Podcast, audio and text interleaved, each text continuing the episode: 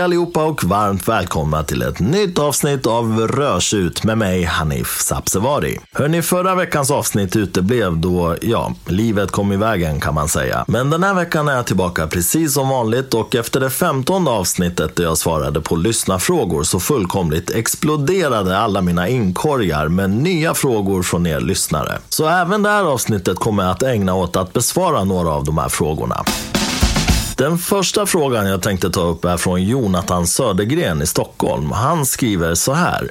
Hej! Du skriver ibland att ett vin är aristokratiskt. Vad menar du med det? Och sen undrar jag också vad ordet pumpigt betyder som du säger och skriver ibland. Hej Jonathan och tack för dina frågor. Ett aristokratiskt vin för mig är ett vin som inger en väldigt lyxig och elegant känsla, både i näsan och på paletten.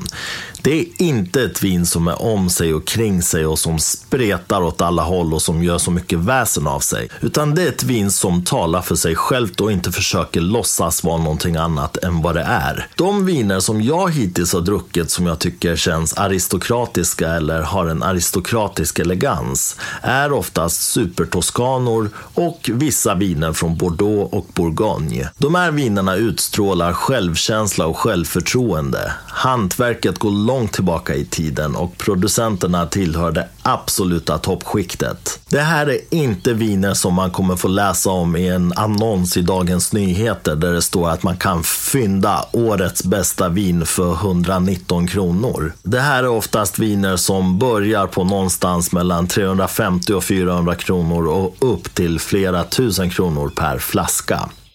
Annat är det med pumpiga viner som inte alls behöver vara så dyra. Ett pumpigt vin för mig, det är verkligen ett vin som är om sig och kring sig och som sticker ut åt alla håll. Det är ett maxat vin som går på steroider och som är väldigt svårt att inte ha en åsikt om. Pumpiga viner är på ett sätt motsatsen till aristokratiska viner. Man kan se det så här. Det är bal på slottet. Aristokraten klär upp sig i sin finaste klänning, gör en storslagen entré går rakt igenom hela salen och ställer sig i ett hörn och ingen kan sluta titta på henne.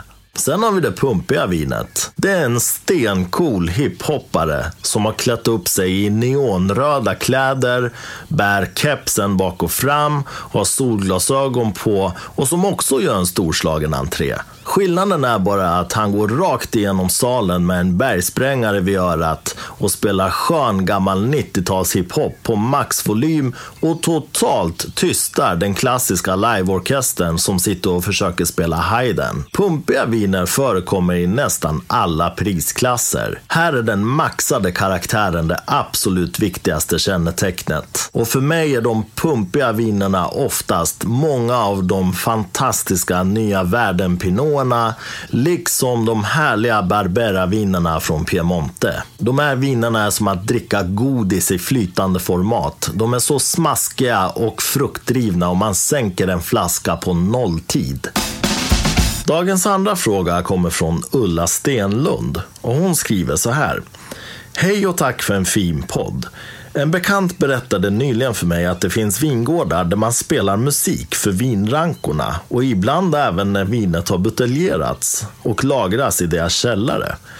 Stämmer det här, eller är det bara en myt? Hej Ulla och stort tack för din fråga. Jag kan ju inte bli så mycket gladare än att få just en sån här fråga som är musikrelaterad i och med att jag själv sysslar med musik och det är det som egentligen då är mitt heltidsjobb. Jag tror att din bekant har förstått det hela helt korrekt. Jag vet att det finns vingårdar i såväl Frankrike som i Kanada som spelar musik för sina vinrankor. Det finns Alltså också, så som din bekant har påstått, vinproducenter som spelar musik för flaskorna när de står och lagras i källaren. Detta är alltså ingen myt och det förekommer idag runt om i hela världen. Sen kan man å andra sidan fråga sig om det verkligen skulle kunna vara så att musik påverkar kvaliteten på vinet. Jag är inte påläst nog för att kunna besvara den frågan och jag vet inte om det finns några studier som visar på det här sambandet. Vad jag dock vet är att musik har en väldigt stor inverkan och betydelse för oss människor. Musik är helt och hållet känslobaserat. Vi påverkas av ljud, frekvenser och rytmer på ett sånt sätt som kan få oss att känna helt olika typer av känslor. Att det sambandet skulle kunna finnas mellan musik och övriga levande varelser såsom djur och växter är väldigt svårt för mig att svara på. Men onekligen så anser en del vinproducenter att det har stor effekt och väljer alltså att spela framförallt klassisk musik för sina vinrankor och för alla flaskor som lagras i källaren. Att spela musik för sina vinrankor och flaskor är väl kanske inte jättemycket konstigare än den biodynamiska vinodlingen. Där utgår man ifrån filosofen Rudolf Steiners läror och man använder sig av framförallt åtta naturpreparat för att göra vinrankorna starkare och mera livskraftiga. Vidare finns ett astrologiskt inslag där en del av vinproduktionen bygger på att exempelvis månen ska stå i en viss position när man ska bespruta vingården med de här naturpreparaten. Jag låter det vara osagt huruvida det här rör sig om pseudovetenskap eller om det faktiskt finns någonting att bevisa i termer av fakta. Däremot tycker jag personligen att det är väldigt sympatiskt att ha ett sånt här perspektiv på allt som lever. Många av våra miljöproblem idag beror just på att det saknas ett konsekvenstänk. Att det då finns vinproducenter som spelar klassisk musik för sina vinrankor. Eller att det finns vinproducenter som följer månens position för att bespruta sina vingårdar med naturpreparat. Det tycker jag är väldigt sympatiskt och ett sätt att etablera ett synsätt där man utgår ifrån att allting som vi gör påverkar allt annat liv och att allting i universum ändå på något vis hänger ihop. Jag tycker också att man ska visa stöd för den här typen av filosofi då det faktiskt utgår ifrån att man jobbar med naturen istället för att hela tiden ta den korta vägen och försöka döda allting som inte ska finnas på en vingård med Roundup eller andra typer av gifter. För låt oss inte lura oss själva. All typ av gift som hamnar på rankorna, på druvorna eller i marken hamnar så småningom i våra kroppar och där vill vi absolut inte ha dem. Så för att eh, avrunda svaret på din fråga Ulla så kan man säga att det här är ingen myt och jag personligen tycker att det är en superbra idé att man spelar fin klassisk musik för vinrankorna och för flaskorna i källaren. Nästa fråga är från signaturen 100 poäng och eh, hen skriver så här. Hej, jag undrar varför du har valt Parkers 100 poängskala i dina recensioner och vad avser betygen? Hej 100 poäng och tack för en väldigt bra fråga. Det här svaret borde jag kanske ha gett för länge sedan när jag startade den här podden, för det är ändå ganska viktigt att förstå vad det är som avses och varför jag valde just det här poängsystemet. Om vi börjar med frågan varför jag valde Robert Parkers eller Wine Advocates 100 poängsystem så finns det ett antal bra svar på den frågan. Till att börja med så tycker jag att poängsystemet som sträcker sig från 1 till 5 eller från 0 till 5 blir lite svårt att jobba med. Man kommer att behöva ge 2,7, 3,5, 4,8 och den typen av betyg. Och det tycker jag bara blir bökigt och flummigt. När det gäller nästa steg som är mellan 0 till 20 eller 1 till 20 som till exempel Jancis Robinson har så tycker jag att man nästan hamnar lite på samma plats som med den första skalan som är från 1 till 5 eller 0 till 5. Om man tittar på Jancis Robinson så sätter hon ganska ofta till exempel 16,5, 17,5, 18,5 och den typen av betyg. Och det tycker jag också någonstans blir lite bökigt att jobba med. Anledningen till att jag valde Parkers 100 poängssystem är dels för att man har väldigt goda marginaler. Det vill säga, man har faktiskt möjligheten att sätta från 0 till 100 vilket ger ganska stort spelrum. Vidare tycker jag att det är skönt att slippa decimaler. Jag tycker det är ganska flummigt när man läser recensionen när någon har satt 4,2 eller 3,5 eller säg 15,8 eller 18,5 och så vidare. Jag tycker att 100 poängssystemet ger det utrymme som krävs för att skilja mellan viner som kanske ligger väldigt nära i betyg och som skiljer sig bara lite grann. För då kan man enkelt, istället för att hålla på med decimaler, sätta till exempel 91 poäng eller 92 poäng eller 93 poäng. Och det är inte jättestor skillnad, men skillnaden finns ändå där. Och sist men inte minst är det ju också väldigt viktigt att det här 100 poängsystemet numera är anammat av nästan hela branschen. Till och med en sån stor kritiker som James Suckling har tagit efter Robert Parker och sätter också poäng baserat på 100 poängsystemet. Jag tycker också att det rent psykologiskt gör stor skillnad när man har 100 poängsystemet.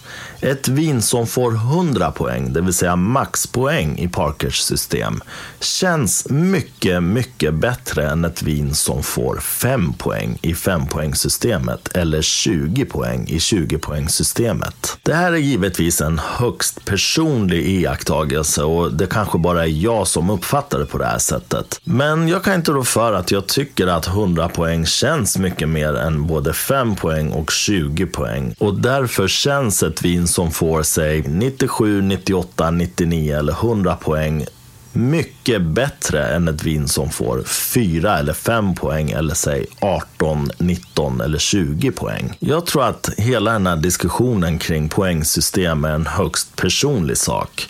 Man kan ju till exempel fråga sig varför just 100? Varför inte 200 eller 500 eller rent av 1000 eller ja, vilken siffra som helst egentligen. Jag tror att det handlar om väldigt mycket personligt tyckande och vad man själv tycker känns bäst. En del människor tycker att skalan 0 eller 1 till 5 känns bäst. En del tycker Jancis Robinsons variant med 0 till 20 känns bäst. Och många tycker att Robert Parkers 100 poängssystem känns bäst och jag råkar vara en av dem. Till skillnad mot Robert Parker som trots att han har 100 poäng att jobba med inte kan låta bli att sätta ett litet plus ibland eller gardera sig genom att sätta till exempel 94 till 97 poäng på vissa viner har jag valt att hålla det väldigt enkelt. Så jag sätter inte ut några plus eller för den delen minustecken och jag sätter inte heller ut några bindestreck mellan två olika tal. Jag kan personligen tycka att Robert Parker och hans medarbetare på Wine Advocate skjuter sig själva lite i foten här när de håller på och sätter plustecken och garderar sig med två olika tal. Man har trots allt 100 poäng att jobba med och jag tycker att det duger mer än utmärkt.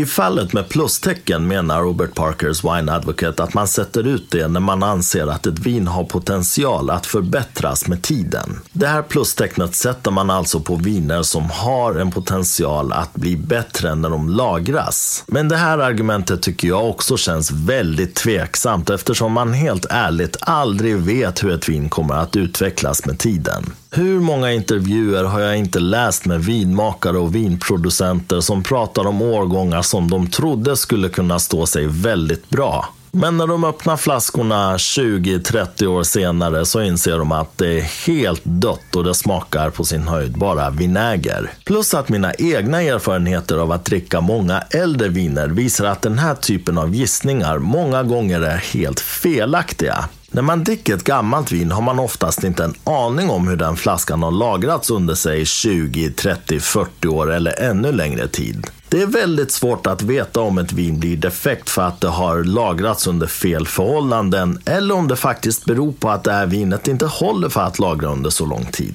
Och därmed blir den här typen av gissningslekar där man ska försöka förutse hur länge ett vin håller väldigt problematiska. Det är klart att vi vet att de flesta dessertviner och söta viner eller viner med väldigt hög syra och hög tanninhalt är gjorda för att hålla under lång tid. Men personligen vill jag inte ha på mitt samvete att jag har satt ett betyg som kanske får människor att tro att det här ibland väldigt dyra vinet som de har köpt kommer att bli någonting helt magiskt om det lagras i mörker och i rätt luftfuktighet och i rätt temperatur under 20, 30 30-40 år. Och det här leder mig automatiskt in på svaret på den andra delen av den här frågan, nämligen vad mina betyg avser. För här har vi ytterligare en skillnad mellan hur jag sätter mina betyg och hur Wine Advocate resonerar när de sätter sina betyg. Medan de försöker förutse hur ett vin kommer att utvecklas under tid så väljer jag att inte göra det i just mina sifferbetyg. Det bör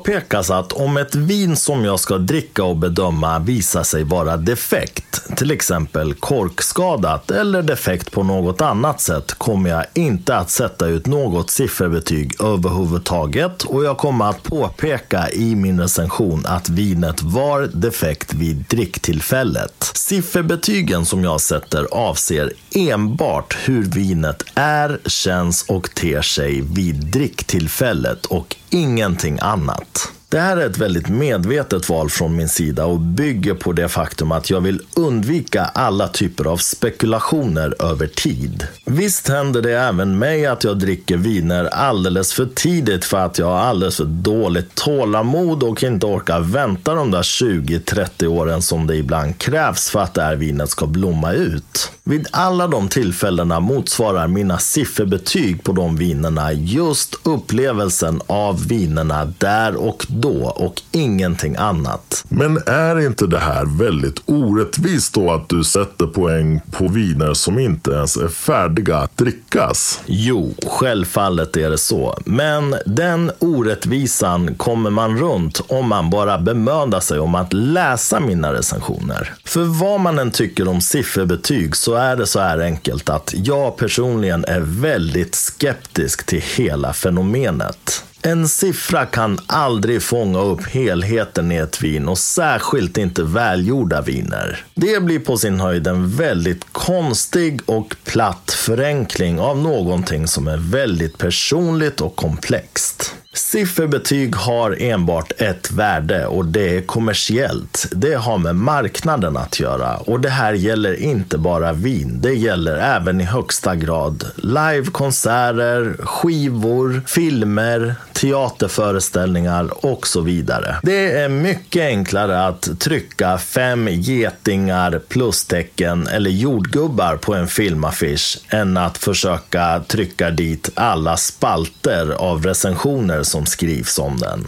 Och i vinbranschen funkar det dessutom så här att Robert Parkers betyg helt och hållet styr prissättningen av alla viner. Just därför kan det kännas extra skönt när jag ibland dricker ett vin som Robert Parker för 20-30 år sedan satte 83-84 poäng på och idag tycker jag att det smakar gudomligt och hamnar på ett betyg ibland på 96, 97, 98 poäng. Det säger mig bara att hela det här fenomenet med poängsättningar och sifferbetyg på något så komplext som vin är en kommers och har ingenting med den personliga smaken att göra. Och för att försvåra allting ytterligare så kan man ju också fråga sig vad de här sifferbetygen egentligen säger.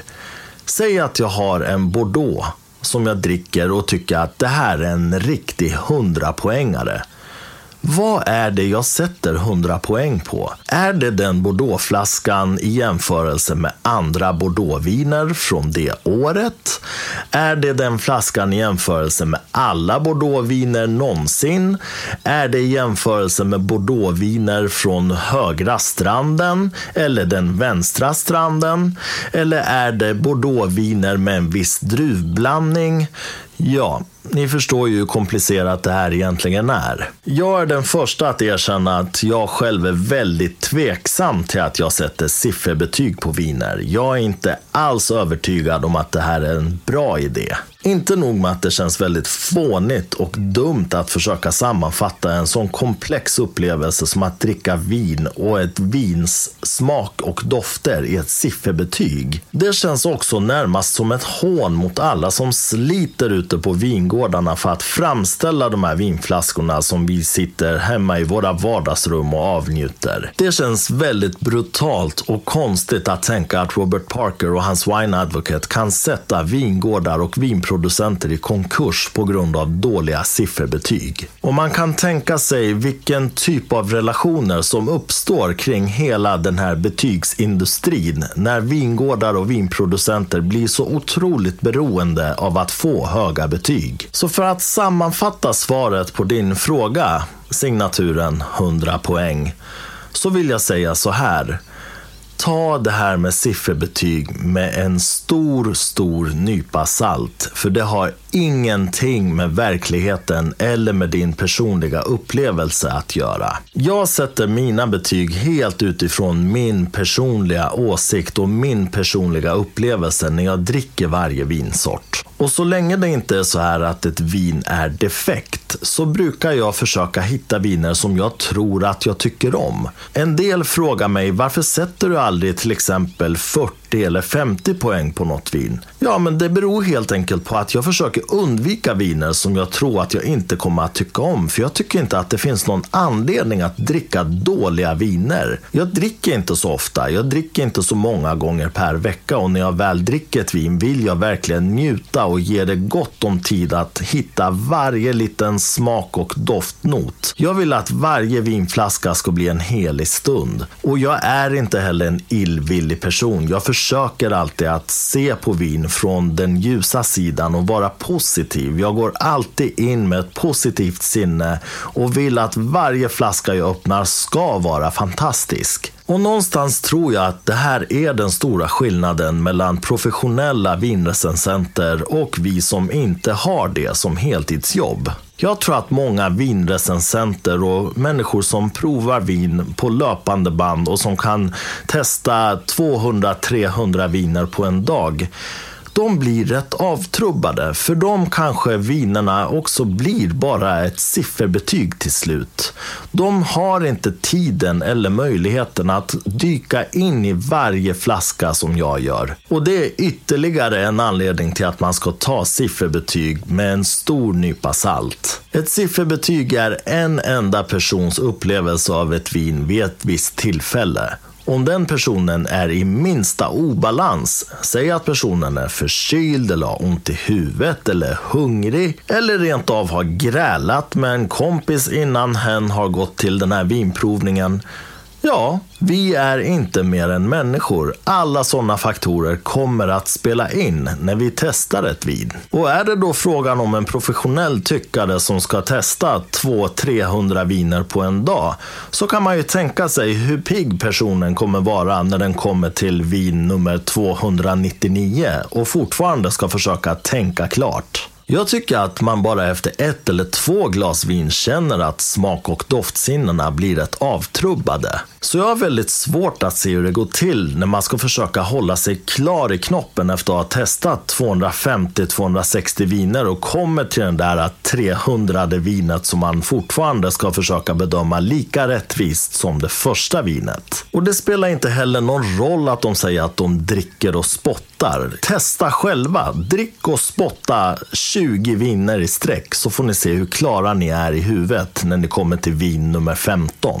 Det är inte jättekonstigt att många professionella vinrecensioner är så fåordiga. Många gånger när man läser de här recensionerna ser man att recensenten i fråga har hittat ek, körsbär, plommon och kanske någon liten not till. Att hitta ek i ekfatslagrade viner är ungefär lika skarpt som att hitta apelsin i apelsinjuice. Något säger mig att många av de här vinrecensenterna inte alls har särskilt välutvecklade doft eller smaksinnen. De har kanske hamnat där främst tack vare sitt starka driv och intresse och kanske också faktiskt för att de är väldigt välformulerade i tal och skrift. Och det ska man givetvis ha stor respekt för. Men däremot kanske man ska ställa sig frågan, hur pålitlig är egentligen en recension skriven av en recensent som kanske inte har världens bästa smak och doft doftsinne och som kanske dessutom har testat 300 viner vid samma tillfälle. Ja,